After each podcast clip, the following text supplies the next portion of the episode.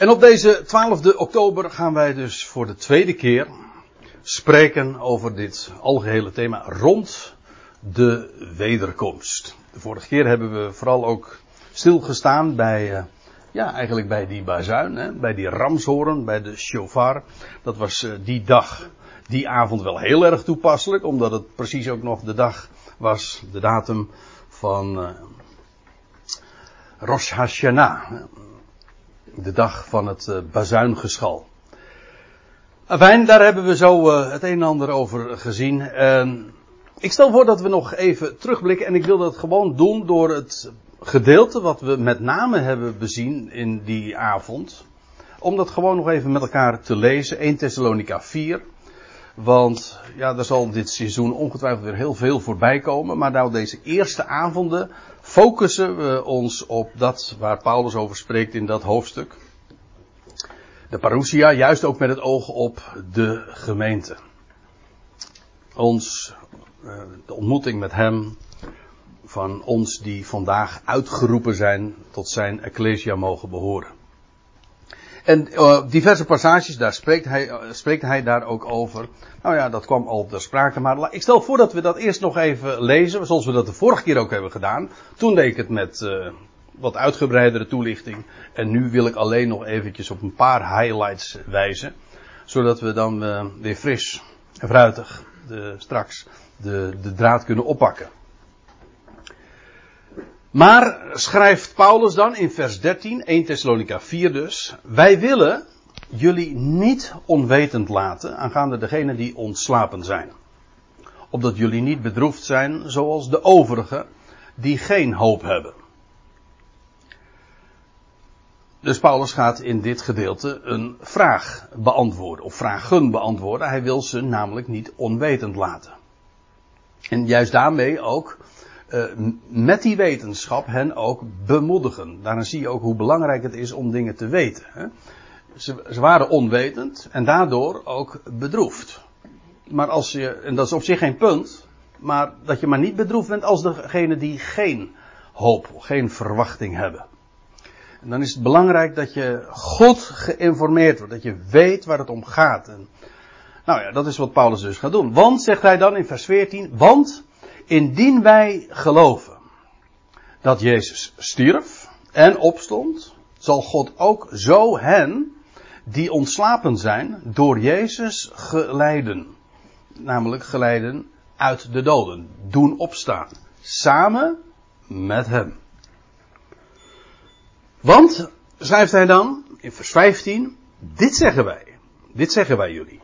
Met een woord van de Heer. Dat dat klinkt alsof hij iets direct van de Heer zelf vernomen heeft. En ik zeg het expres op die manier omdat hij zich namelijk elders soortgelijk uitdrukt, namelijk in 1 Korinthe 15. Dat is min of meer een passage dat ja, daar direct ook aan gerelateerd is, omdat hij dan over dezelfde gebeurtenissen spreekt. In 1 Korinthe 15, vers 51 noemt hij het: Ik maak u een geheimenis bekend, broeders een geheim, een verborgenheid, zegt de Statenverdaling. Maar het is in ieder geval iets wat voorheen niet bekend was. Maar wat aan Paulus is bekendgemaakt. Dat blijkt trouwens ook wel, want de dingen die hij dan vervolgens zegt, of opschrijft, die vind je nergens anders. Die vind je nergens in de schrift. Als het gaat om de verwachting van Israël, de heiligen, en in het boek Daniel uh, wordt daarover geschreven. Maar dat, dat zijn andere gebeurtenissen. Dat zijn andere dingen. Wat Paulus te melden heeft over, over, deze, over de opstanding, over onze opstanding, degene die in Christus ontslapen zijn, dat is volstrekt uniek. Een woord van de Heer heeft hij daarover vernomen. En dan en daarom spreekt hij dus ook met klem dit uit. Dit zeggen wij jullie met een woord van de Heer. Met andere woorden, dit, dit, dit zit ik maar niet uit mijn duim te zuigen. Ik, dat zeg ik maar niet zomaar. Nee, van hemzelf. Dat wij, de levenden, die overleven tot de parousia van de Heer, want er zijn er die ontslapen. Maar hij spreekt nu even over degenen die zullen overleven tot de parousia van de Heer. Wel zegt hij, degene die dat op dat moment zullen meemaken, die dan dus levend zullen zijn en die dus niet ontslapen zijn, oftewel die hebben over, dus ontslapenen hebben overleefd. Bij overlevenden moet je niet denken van uh, na een ramp of zo uh, zijn er nog een paar overlevenden. Uh, onlangs had ik een gesprekje met iemand die dat zo interpreteerde, maar dat is helemaal niet de gedachte. Ook niet de betekenis van het woord. Betekent gewoon die niet ontslapen zijn en dus de ontslapenen hebben overleefd. Hm? Dat wij de levenden, die overleven tot de parousia van de Heer, in feite is dat al de toelichting, niet de ontslapenen zullen voorgaan. Het is dus niet zo dat die ontslapenen, ja, omdat die al overleden zijn, of uh, slapen, is een mooi woord hè.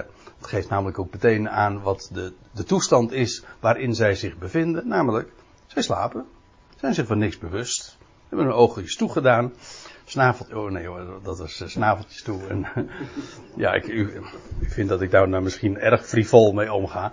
Maar in, dat kunnen wij ons permitteren, toch? Ontslapen. Die ontslapenen zullen de, de boot niet missen. Zij, wij zullen hen zelfs ook niet voorgaan. Integendeel zelfs. Want als het er nou helemaal op aankomt. Gaan die ontslapenen zelfs zijn degene die het eerst erbij uh, betrokken zullen worden. Want, bij die parousia bedoel ik. Want, dan zegt hij in vers 16. Want de Heer zelf zal in een commando, in roepen van de aartsengel, de, de vorst der engelen, in de Statenvertaling staat er de archangel, dat is eigenlijk uh, gewoon Grieks. Hè? We spreken over aartsvaders, dat betekent de eerste vaders. De aartsengel is eigenlijk ook uh, de, eerste, de eerste engel. En hier staat weliswaar geen bepaald lidwoord, maar uh, die eerste, die archangel, daar blijkt er maar één van te zijn. Kijk maar na in de Bijbel, er vindt maar één, één iemand die aartsengel genoemd wordt, en dat is Michael. Waarvan ik vorige keer overigens, dat zeg ik meteen even bij, even, even opteerde, de optie noem van dat misschien wel de Heer Jezus zelf zou zijn. En toen werd ik na afloop teruggefloten. Ik zal niet zeggen dat dat door Hans Brouwer was, maar. en zegt van uh, dat kan niet. En hij wees mij op een schriftplaats, juist in Judas, waar ik naar verwees. En had groot gelijk. Dus ik, bij deze heb ik dat weer gecorrigeerd. Je moet me nakijken.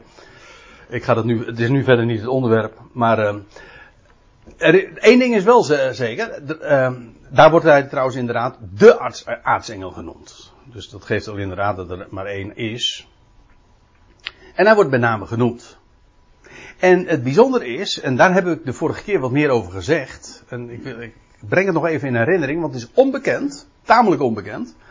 Deze Michael, kijk, hier wordt hij niet bij name genoemd, maar hij wordt gewoon aartsengel genoemd. En elders in de schrift weten we dat die aartsengel Michael heet. Wel, die Michael blijkt inderdaad een grote rol te spelen en zijn naam wordt juist vermeld in verband met het tijdstip wat Paulus het hier over heeft. En dat maakt het zo opmerkelijk.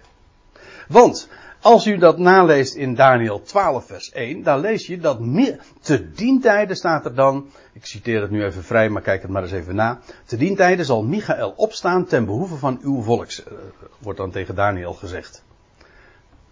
Want er zal een tijd van grote benauwdheid dan aanbreken. Zoals er niet eerder geweest is vanaf het begin der wereld uh, af. Later is het de Heer Jezus die dat dan ook herhaalt. Dat, dat dat zo is. Een tijd van grote benauwdheid. Maar gaat er nu even om.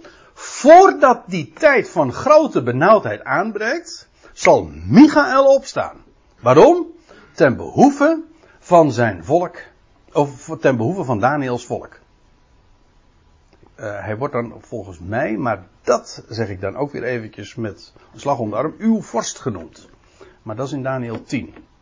Maar kijk het even na of het waar is wat ik nu zeg. In elk geval, uh, die Michael, die is dus min of meer uh, de, ja, nou laat ik het dan maar zo zeggen. Het schiet me zo ter plekke te binnen, de beschermengel van, zijn, van het volk Israël. Achter de coulissen neemt hij het waar en de belangen waar voor, uh, voor het volk van Israël. Maar dat is dus voor, als de tijd van grote benauwdheid zal aanvangen, dan, dan is het Michael die het gaat opnemen voor het volk van Israël. Op dat tijdstip. En wat dacht je wat? Dat is precies ook het tijdstip dat die Ecclesia wordt weggerukt. Maar goed, dat is een van de onderwerpen dus van deze avonden. Uh, daar komen we nog uh, vanavond, maar ook de volgende keer, hoop ik, daar dus 9 november uh, dieper op in te gaan. nog, er is trouwens nog iets, en daar hebben we de vorige keer ook op, bij stilgestaan. Die Michael, die treedt ook op in Daniel 12. U weet wel dat hoofdstuk waar die mannelijke zoon, die mannelijke zoon wordt weggerukt tot God en zijn troon. Ik kom er straks eh, veel uitgebreider nog op terug. Die mannelijke zoon wordt weggerukt tot God en zijn troon. En Paul daarop lees je, dat is de openbaring 12 vers 5, 6. Uh, die vrouw die vlucht dan naar de woestijn, staat er. Na de geboorte van die zoon vlucht die vrouw naar de woestijn. En daar heeft zij een onderkomen, een onderduikadres. Waar ze 1260 dagen gevoed wordt.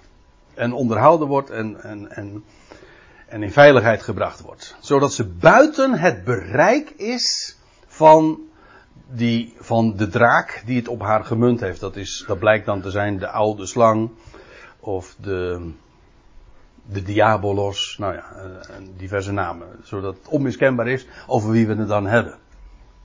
Heel eigenaardig. Ook daar is het dus zo dat op het moment dat die mannelijke zoon dus naar God en zijn troon wordt weggerukt, naar boven dus, dan krijg je, dan wordt er een strijd beschreven van die Michael. En die strijdt dan tegen de draak, de oude slang, de diabolos. En wat gebeurt er? Die wordt op aarde geworpen. Met andere woorden, die mannelijke zoon omhoog. En die draak en al zijn personeel, consorten, naar beneden. Eigenaardig, hè? Dus ook weer precies op het moment dat, voordat die 1260 dagen aanbreken. Dus een heel belangwekkend moment dus.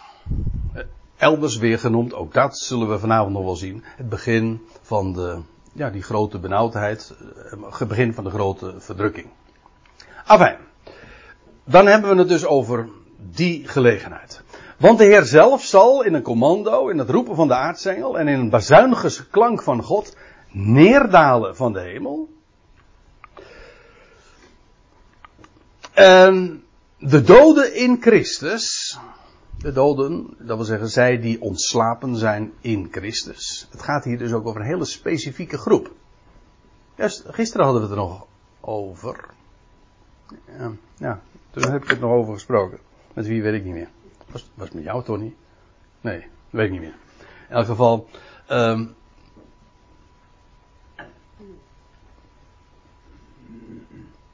ja, wat wilde ik nou zeggen? Oh ja. Uh, dat die. Uh, bij deze gelegenheid alle gelovigen. uit alle tijden, uit alle eeuwen, uit alle eh, millennia die aan ons vooraf gegaan zijn, dat alle gelovigen bij die gelegenheid de Heer tegemoet zullen gaan. Maar dat is niet waar. Ik bedoel, Abraham en Daniel, en die blijven er allemaal op dat moment nog in het graf achter. Ja, het zijn de doden in Christus. Abraham was een gelovige, zal opstaan. Daniel, eh, maar die zal op een ander tijdstip, dat was hem trouwens al gezegd ook, zal op bij een andere gelegenheid opstaan. Die zal hier niet bij zijn. Nee, het zijn de gelovigen in Christus Jezus. Hier ook de doden in Christus. Uh, lazen we al eerder niet. Uh, nee, dat komt nog. Oh, dat was in 1 Korinthe 15 ook. Dat er gesproken wordt over degenen die in Christus Jezus uh, zijn. Dus de, de, de leden van zijn lichaam. Degenen die geloven in de Heer Jezus Christus. Als degene die stierf, wat meer is, die opgestaan is uit de doden. En die doden, dus die ontslapen zijn, die zullen eerst opstaan. Eerst staan de doden op, bij het klinken van de bezuin, zo staat het hier. En, maar daar blijft het niet bij, want vervolgens krijg je nog een bazuinstoot en dat is die laatste bazuin. De, eerste bazuin staan de doden op. En met de laatste bezuin, en dat hebben we de vorige keer ook gezien in 1 Korinthe 15, met de laatste bezuinstoot worden de levenden veranderd in een ondeelbaar ogenblik. Weet u nog, in een punt destijds. Worden compleet getransformeerd. Stel je voor joh, dat deze body niet in het graf wordt gezaaid. Ik bedoel, maakt het uit? Uh, ja, nou ja, ik weet niet. Uh, ik weet niet. Ik moet zeggen, ik, het, ja, het klinkt wel heel erg sensationeel ook, maar het is toch geweldig dat, dat ik, Paulus zegt ook, hè, niet allen zullen ontslapen. Maar allen zullen wel uh, bij, daar zijn. En degenen die op dat moment in leven zijn, zullen dus niet ontslapen, maar worden getransformeerd. En, een on, en dit sterfelijke zal overkleed worden. Dus we, dat zijn dus niet degenen die ontkleed worden en hun lichaam afleggen. Nee, dat zijn degenen die overkleed worden. Dat is trouwens weer een andere beeldspraak in 2 Korinthe 5. Maar die worden dus getransformeerd. Dit sterfelijke lichaam wordt in onvergankelijkheid. Ja, getransformeerd. Ik weet even geen ander woord. Uh, echt, dat is echt een, een, een metamorfose in één moment. Terwijl dit sterfelijk en vergankelijke en lichaam ook van ontluistering, dat zal ineens helemaal geschikt maakt, gemaakt worden voor, voor die ruimtereis, zeg maar. Boven en beneden. Hè? Voor boven en beneden. Voor boven en beneden, ja. Ja, nou ja, dat was 1 Korinthe 15. Maar die, zullen dus maar die doden zullen eerst opstaan. En vervolgens, dat betekent dus daarna, zullen wij, de levenden, oftewel de overlevenden, tegelijkertijd samen met hen worden weggerukt. Dus er, kijk, en op, op het moment dat je dan weer tegelijkertijd zegt, dan is het tijdsverschil weer weg. Hè? Dan is de, de voorrang weer weg. Eerst dus die doden, omdat Paulus ook wil benadrukken van, het is niet zo dat wij hen zullen voorgaan. Nee, nee, nee, in tegendeel. Eerst de doden, daarna wij bij de laatste bezuin. En vervolgens tegelijkertijd, dus ik stel me voor, dat is echt allemaal iets van, ja, hoeveel tijd, uh, hoeveel tijd er zit tussen de, tussen de bezuin dat de, de, doden in Christus zullen worden opgewekt en de laatste bezuin dat de levenden zullen worden veranderd.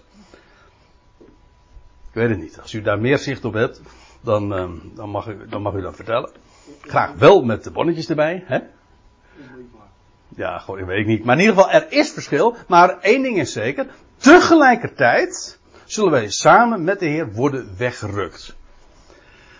Ja, dat staat dus uh, heel erg haaks op zoveel andere verwachtingen. Van dat we allemaal één voor één naar de Heer gaan en zo. Niks ervan. Ga niet één voor één naar de Heer. Of degene die ontslapen zijn. Paulus zegt dus ook niet tegen. Hij zegt van: Ik heb een geweldige verwachting voor jullie. Die, degenen die ontslapen zijn, die zijn daar al boven. Dat is wat er meestal toch gezegd wordt. Dat is toch de hoop die dan verteld wordt voor degenen die, die geloven in Christus Jezus. Nee, die, ze, liggen nu, ze zijn in het, in het graf, maar eigenlijk zijn ze daar niet. Ze zijn daar boven en daar juichen ze voor Gods troon enzovoort. En wij gaan straks uh, daar ook naartoe. Dat is niet de verwachting die Paulus hier voorhoudt. Ze zijn ontslapen, ze zijn nu ook doden. Gewoon dood. En straks worden ze opgewekt. En tegelijkertijd gaan wij samen met hen, dat wil zeggen degene die dus opgewekt worden, worden we weggerukt. En dat was het laatste wat we de vorige keer hebben gezien. En dat is dus ook het, uh, nou ja, dat is de samenvatting. En nou ja, op die basis gaan we nu dan ook verder. Uh, het is hetzelfde woord wat gebruikt wordt als in openbaring 12 vers 5. Weet u wel, die wegrukking van die mannelijke zoon. Dat is precies hetzelfde woord. En wat uh, eigenaardig is, of nee, niet eigenaardig, dat is opvallend, en dat, dat mag je niet ontgaan. Het is uh, hetzelfde tijdstip. Dat wil zeggen, het, waar Paulus het hier over heeft, dat is diezelfde wegrukking, kom daar straks op terug, is dezelfde wegrukking als ook die wegrukking van die mannelijke zoon. Die mannelijke zoon, dat, zoals die vrouw Israël voorstelt, is die mannelijke zoon Christus. En de Ecclesia. Nou, oh, die mannelijke zoon die wordt weggerukt uh, voor, voor Jacobs benauwdheid. Voor die 1260 dagen. Het gaat ook over dezelfde groep. Dat wil zeggen, die mannelijke zoon. Dat, het gaat over het volk dat als één lichaam gezien wordt met Christus. En het gaat ook dezelfde richting in. Hier is het weggerukt in wolken tot ontmoeting van de Heer in de lucht. Opwaarts dus. Nou, dat is in openbaring 12 vers 5 ook het geval. Die mannelijke zoon die wordt weggerukt tot God en zijn troon. Daarboven, in de hemel. Dus, uh, ik, ik zeg dit om daarmee ook aan te geven, het gaat hier over dezelfde, het gaat niet alleen maar over hetzelfde woord, een wegrukking, maar het gaat ook over dezelfde groep, hetzelfde tijdstip, het gaat ook over dezelfde richting, kortom we hebben het over dezelfde gebeurtenis. Oké, nou, dat hebben we tot dusver uh, gezien. En dan staat er nog bij, uh, in wolken. Dat is leuk, hè? Uh, er staat in de NBG-vertaling dan op de wolken. Nou, er staat niet op, maar in. Er staan geen, niet de wolken, maar staan wolken. Zonder bepaald lidwoord dus. En de, die vertaling is dus niet juist. Maar in het Grieks staat hier een woordje, nefele. En dat, is, dat kennen wij in het Nederlands, want ons woord nevel is daarvan afgeleid. Dus we gaan in nevelen de Heer tegemoet, om zo te zeggen. In, in een zwermen. Is dat hetzelfde wolk als die wolk van getuigen? Je haalt de woorden uit mijn mond, uh, Fred. Want in Hebreeën 12 vers 1. Had jij de PowerPoint al bekeken of zo? Ja, de, dat is hetzelfde woord.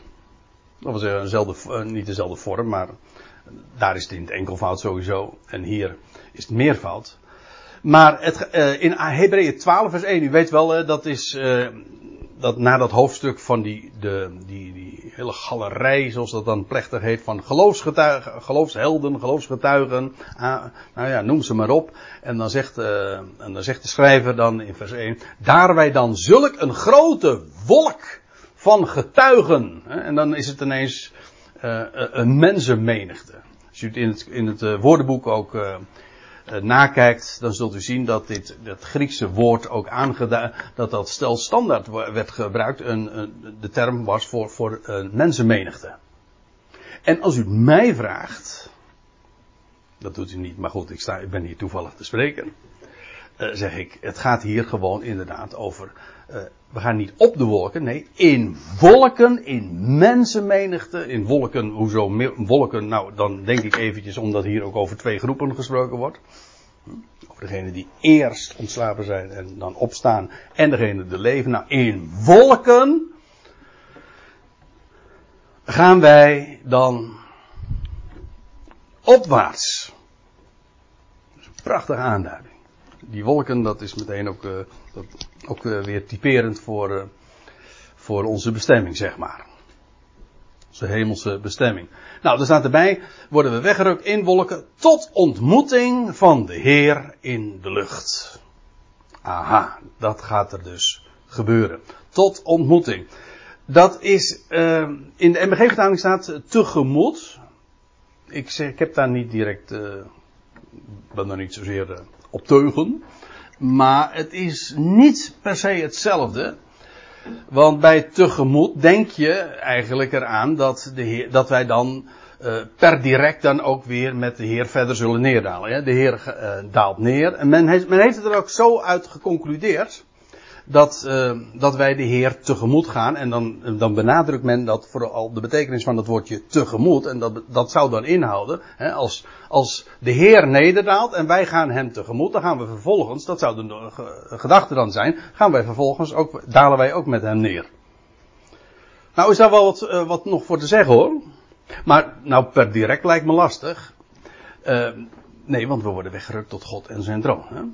Maar het is wel zo het vormt wel de inleiding, ook inderdaad, om met de Heer te verschijnen op aarde. Dat is waar. Maar dat is op een later tijdstip. En het volgt ook niet, en dat, daar gaat het me even om, het, het volgt niet uit, de, uit het woord, het begrip dat hier gebruikt wordt. Gewoon uh, tot ontmoeting van.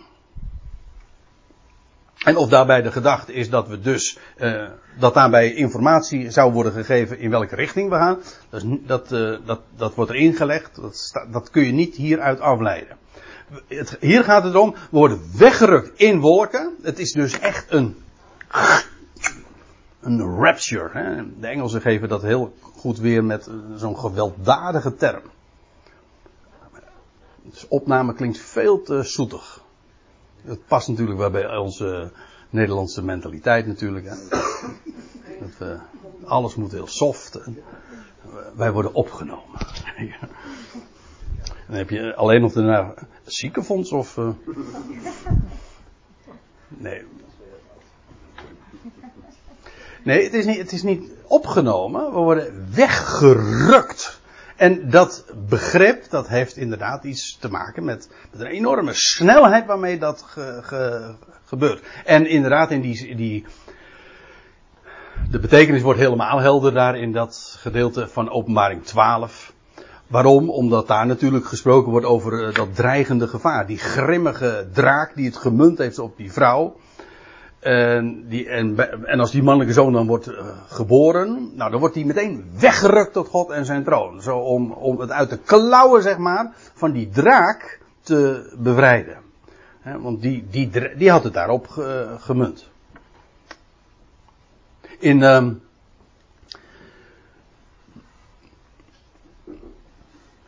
Ja, in openbaring 12, uh, daar, zie, daar zie je trouwens eigenlijk nog iets. Dat is wel interessant. Want ze zeggen van ja, over die grote verdrukking, wie maken dat nou mee? Ja, en, en, wie niet? Er wordt feitelijk, als je dat in openbaring 12 bekijkt, die mannelijke zoon, die wordt weggerukt tot God en zijn troon. Dat is allemaal voorafgaand aan die 1260 dagen. Maar die vrouw, die dan meteen vlucht in de woestijn en die daar een onderkomen dan voor 1260 dagen heeft die wordt ook bewaard voor de grote verdrukking. Die wordt ook in veiligheid gebracht. Weliswaar niet daar bij God en zijn troon. Dat is weggelegd voor die mannelijke zoon. Maar die vrouw krijgt ook een, een veilig adres. En wordt daar ook keurig bewaard. En, en ook buiten, en daar gaat het maar om, buiten het bereik van die draak. En maakt dus ook niet de grote verdrukking mee. Als ik het zo mag zeggen. Ja, hierop, ze is op aarde, dat wel. Maar ze heeft daar een adres waar ze bewaard wordt. In de schuilplaats van de Allerhoogste. En moet u maar dat eens een keertje nalezen in Psalm 91. Nee, 92. Wat is nou? 92, ja. En heel diep psalm gaat daarover. Dat vernachten in de schaduw van de al. En dat daar ja, geen kwaad zal, zal treffen. Niks. Geweldige psalm trouwens. Maar waarom zeg ik dat eventjes? Omdat het uh, in die zin dus niet eens zo heel erg hm, bijzonder is. Nou ja, die moorden moet ik eigenlijk meteen weer inslikken. Maar ik bedoel te zeggen, het is niet één groep die behoed wordt. Dus voor die grote verdrukking. De mannelijke zoon. Nee, ook die vrouw die een onderkomen dan in die 1260 dagen in de woestijn zal hebben, die wordt, die wordt ook in veiligheid ge, gesteld. Afijn, uh, die hier wordt er dus weggesproken, gesproken over die wegrukking in, in wolken. Tot ontmoeting van de Heer in de lucht. En zo. En zo, dat wil zeggen op die manier. Uh, en bij die gelegenheid. En bovendien tegelijkertijd. Het, dat, dat zo. Dat wil aangeven. Op die manier. Op die wijze. Zo zullen wij altijd samen zijn met de Heer. Dat betekent dus ook, wij zijn zijn positie, zijn toekomst is de onze. Dat is een, geweldige gedachte. Hè?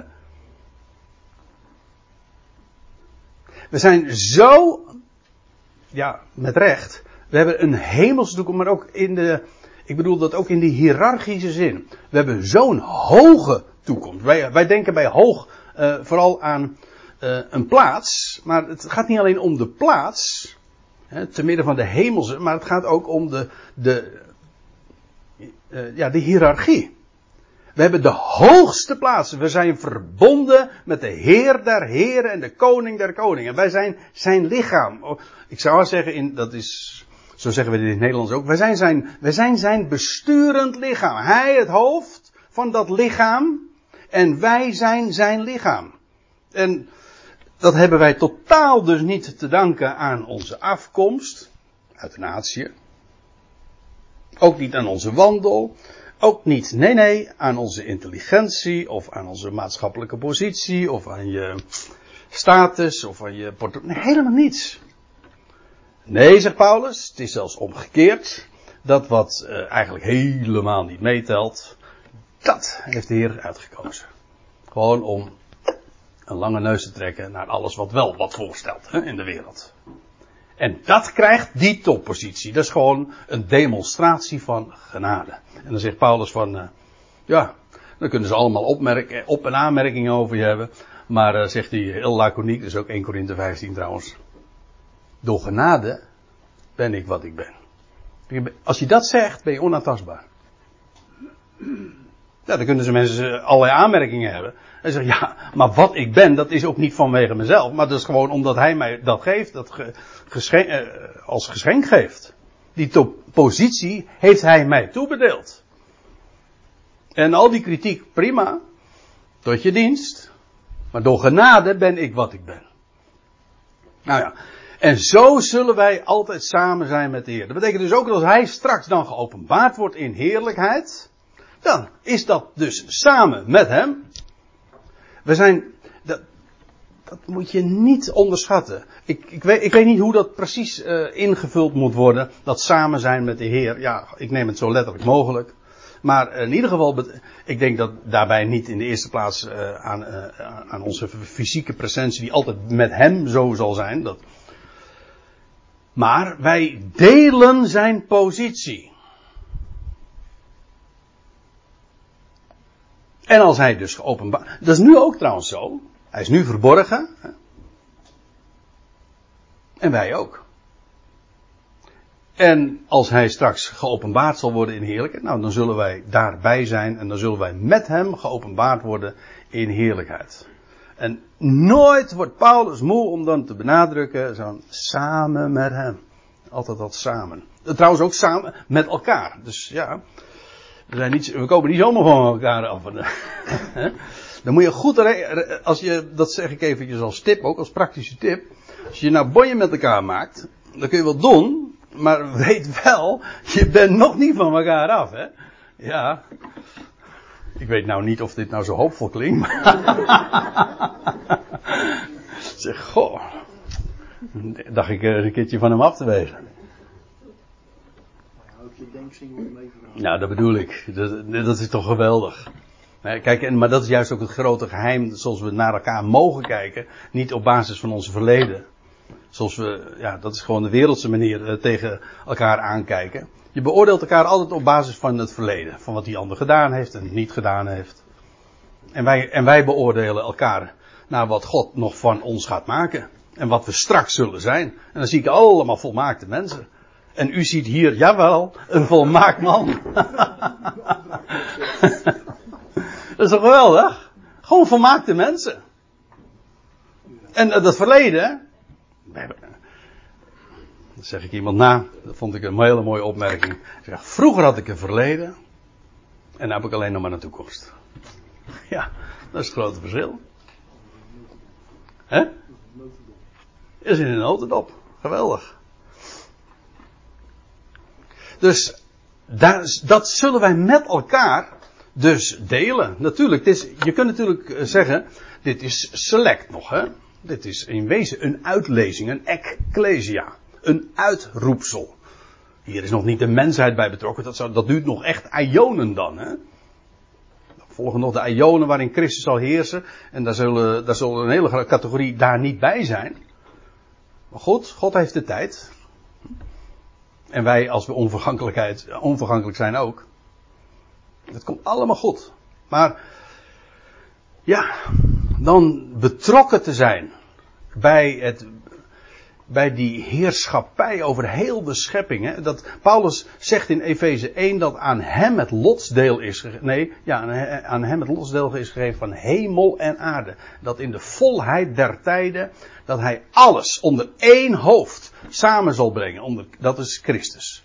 Alles in hemel en op aarde. Let op, in hemel en op aarde.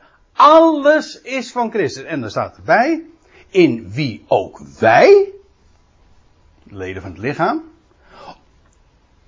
ons lotsdeel werd geworpen. Dat wil zeggen, in wie dat wat hij heeft ontvangen, hebben wij ook. Waarom? Nou, wij zijn zijn lichaam. Dat wat hij heeft ontvangen, dat hebben wij ook ontvangen. Hemel en aarde.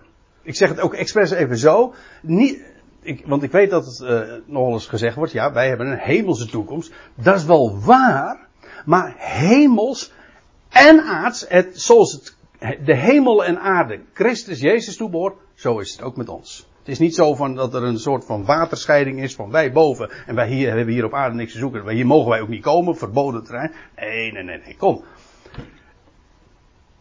We ontvangen met hem alle dingen. Hemel en aarde, want dat is, uh, dat is ons lotdeel. Ons lotdeel, ons, datgene wat uh, we ook zullen beheren als hoofd. Samen met hem. Daarom zegt Paulus in vers 18, bemoedigt elkaar in deze woorden. Niet op andere woorden. Er zijn woorden van troost en bemoediging genoeg. Maar wat echt bemoedigt is de waarheid natuurlijk.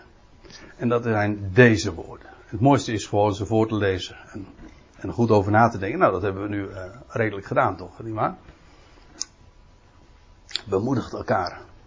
Niet zoals de MBG, dat, is, uh, dat vind ik haast een, dat is een dissonant. Dat klinkt gewoon vals in je oren. Vermaant elkaar met deze woorden. Dit is geweldige hoop en dat vermaant elkaar met deze woorden. Trouwens, in de, in de Statenvertaling, die zegt dan van vertroost elkaar met deze woorden. Maar staat eigenlijk gewoon iets van uh, elkaar naast roepen. Naast roepen of bemoedigen, aanmoedigen. Ja, nou moet ik nog wat uh, vertellen. Want, de vorige keer, ja Marjolein, ik zie jou al glimlachen. Ja, ik heb het ook al gelezen. Wat?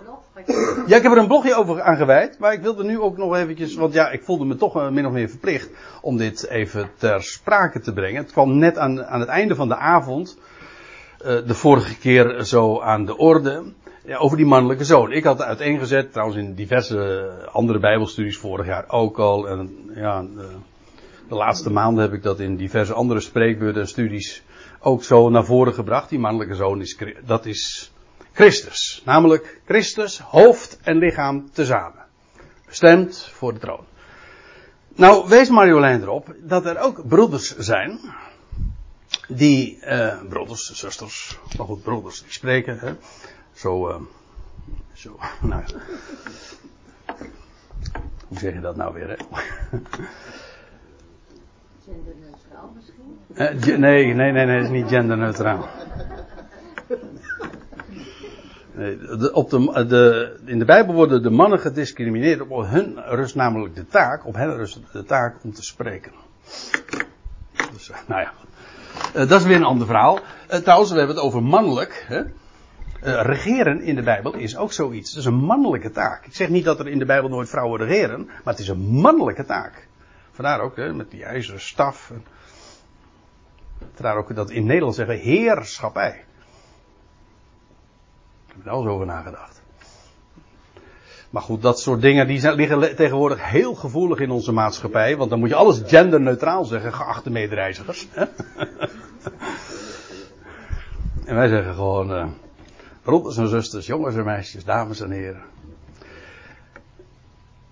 Het is allemaal, het is, uh, het is gewoon een omweg weer, want uh, ik had het dus over die, die er zijn broeders, oh ja, daar ging het over.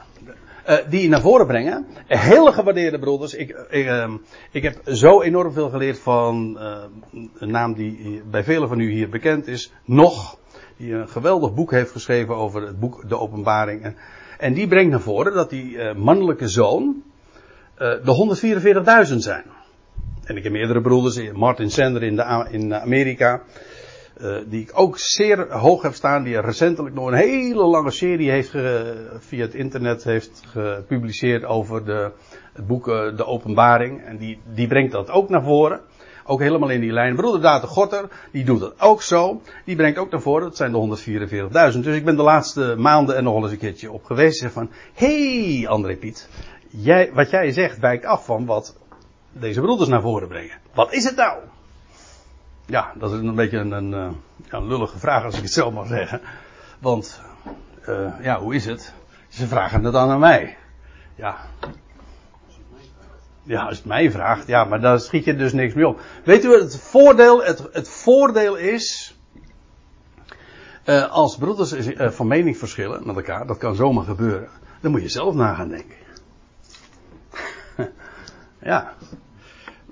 En dat kan. eh, maar goed, ik werd erop eh, gewezen van ja, maar eh, kijk, als je nou de vraag stelt van ja, hoe gaan we daarmee om? Nou, dan zeg ik van dat is niet zo moeilijk. Indien iemand enig andere inzicht heeft, hè, anders gezind is, Christus zal het u of hem of mij ook openbaren op zijn tijd. Zo wat. En als we het eens zijn, ik zeg het graag iemand na, dan zijn we het altijd hartelijk oneens. Hè? Ik bedoel, ja, dat is dubbelzinnig. Maar we geven elkaar de ruimte. En alsjeblieft mensen, laten we niet daarover eh, moeilijk doen. Eh 500 jaar reformatie, dat betekent dat we dus al 500 jaar geen paus hebben. Die dus eh, leergezag heeft en die kan, eh, kan zeggen van zo is het en zo niet. Iemand zei trouwens een keertje, dat vond ik wel leuk. Eh, weet je wat het verschil tussen Rooms-Katholieken en, en protestanten is? De Rooms-Katholieken die hebben maar één paus.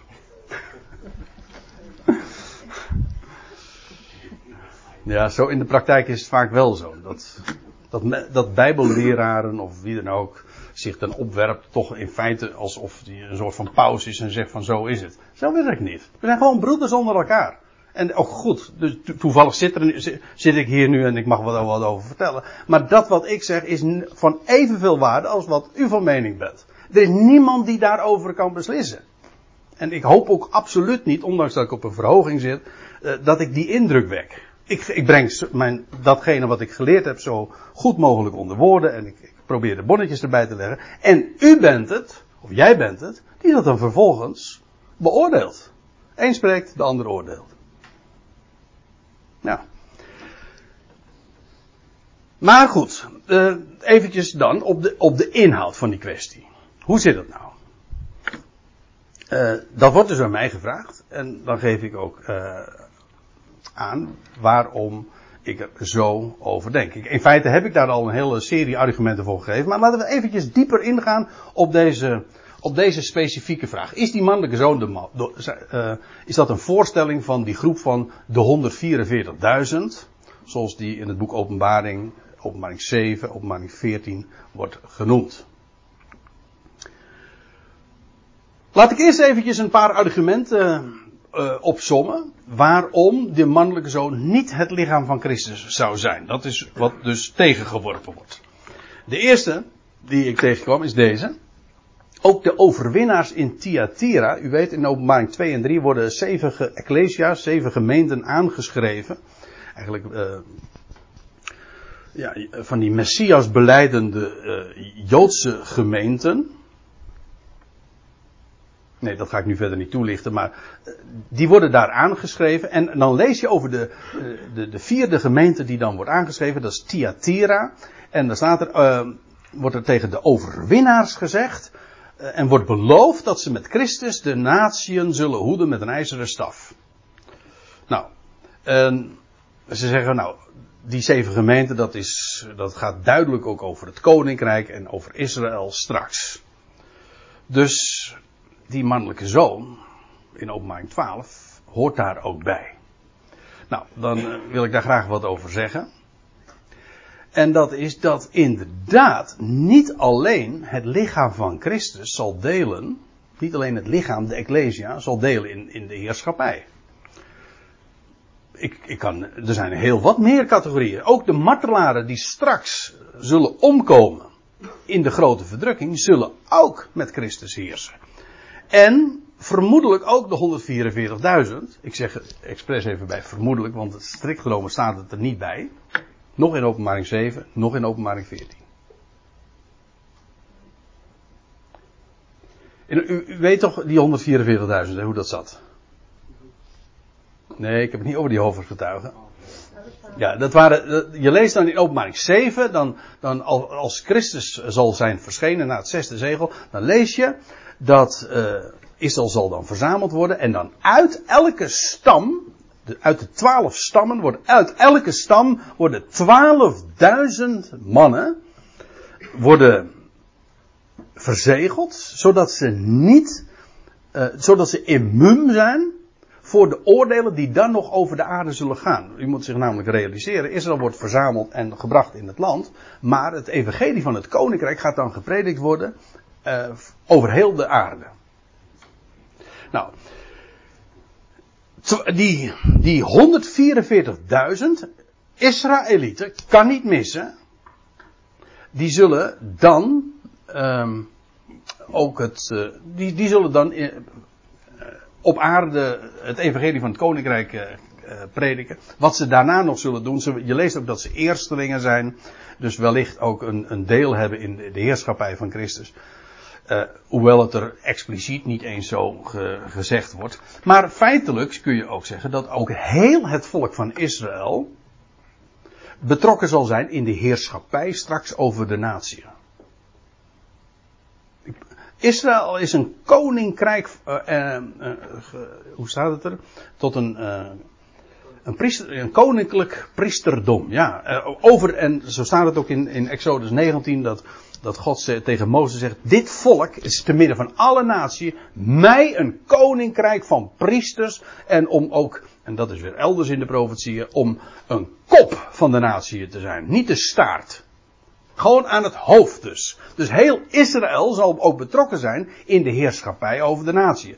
Dus uh, daar zijn verschillende categorieën. Om het eventjes uh, wat grafischer voor te stellen. Uh, en ik heb expres ook eventjes deze sfeer hemels gemaakt, hè, met de wolken. Uh, daar, als het gaat over de heerschappij over de natieën, is daar in de eerste plaats natuurlijk Jezus Christus. Maar ook het lichaam van Christus is daarin betrokken. Nou ja, van de hemelse zijde dan weliswaar. God en zijn troon daar boven. Maar niettemin ook betrokken bij de heerschappij over de wereld, stel ik er nog over alle dingen.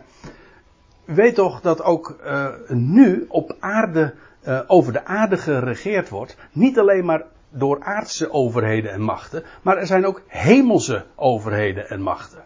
Die, uh, die heerschappij hebben vanuit de geestelijke regionen op aarde. Alleen degenen die dat nu doen, die zullen straks naar beneden gaan en wij naar boven. Vandaar ook dat ze feitelijk onze concurrenten zijn. Zij behandelen in ieder geval ons als hun rivalen. Zij strijden ook tegen ons. Paulus zegt ook, wij hebben niet te strijden tegen vlees en bloed, maar tegen de overheden en machten in de hemelse gewesten. Te midden van de hemelse dan.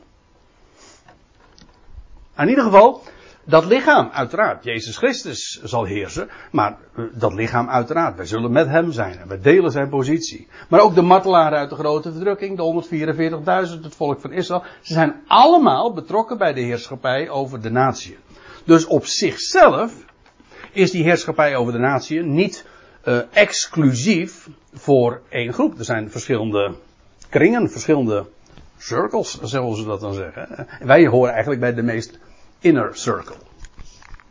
Het lichaam van Christus. Een ander argument is dat het lichaam van Christus zou niet voortkomen uit Israël, zegt men dan. Die mannelijke zoon komt voort uit die vrouw, uiteraard. Die vrouw is een voorstelling van Israël. En zegt, nou ja, de gemeente komt daar niet voor een aanmerking. De gemeente komt niet voor uit, uit Israël. Nee, maar Jezus Christus komt voort uit Israël. En de Ecclesia, het lichaam van Christus, wordt één met hem gerekend. Trouwens, historisch gezien zijn, komen wij wel degelijk ook voort uit, uit Israël. Eigenlijk uit, een, uit de secte van de Nazareners. Ik bedoel, de, de, de gemeente is daar gewoon een voortzetting van. Ook historisch klopt dat natuurlijk. En er is trouwens nog een interessant argument. En dat is dat Paulus in Galaten 4 vers 26 het Jeruzalem niet dat boven is hoor. Dat dus een foute vertaling. Het opwaartse. Het hemelsgerichte Jeruzalem. Het gaat daar over het Israël gods. Over het gelovige Israël.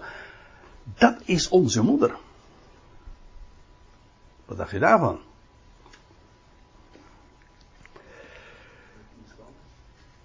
De tien stammen. Nou, die wou ik er eventjes nog buiten laten. Maar uh, trouwens, hoe bedoel je dat dan? Nou, het was toch verdeeld in twee stammen. Mm -hmm. Weer terug.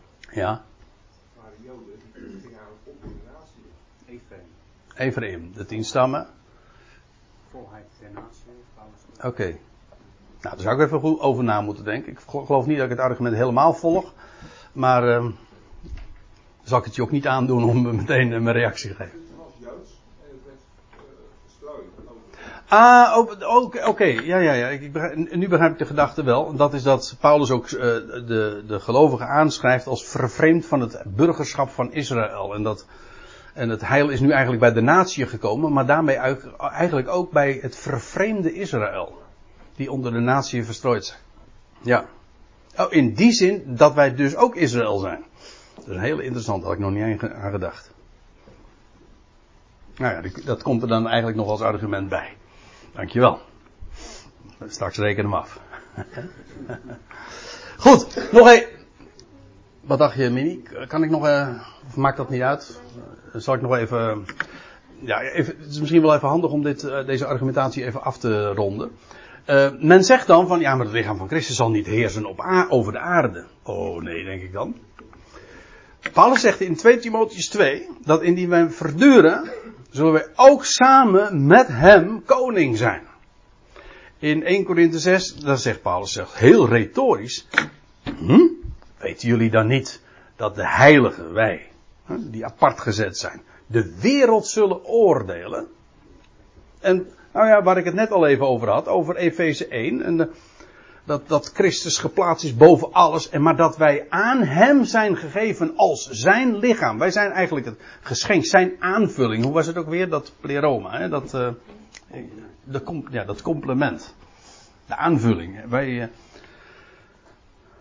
André, wat is dat indien wij verduren? Misschien stom. Ja, je bedoelt of, voor, of uh, de, dat voorwaardelijk. Indien wij verduren, wat Dat betekent Ver, ja, uithouden. Ja, er staat in de NBG-vertaling volharden, maar dat is het niet, hè?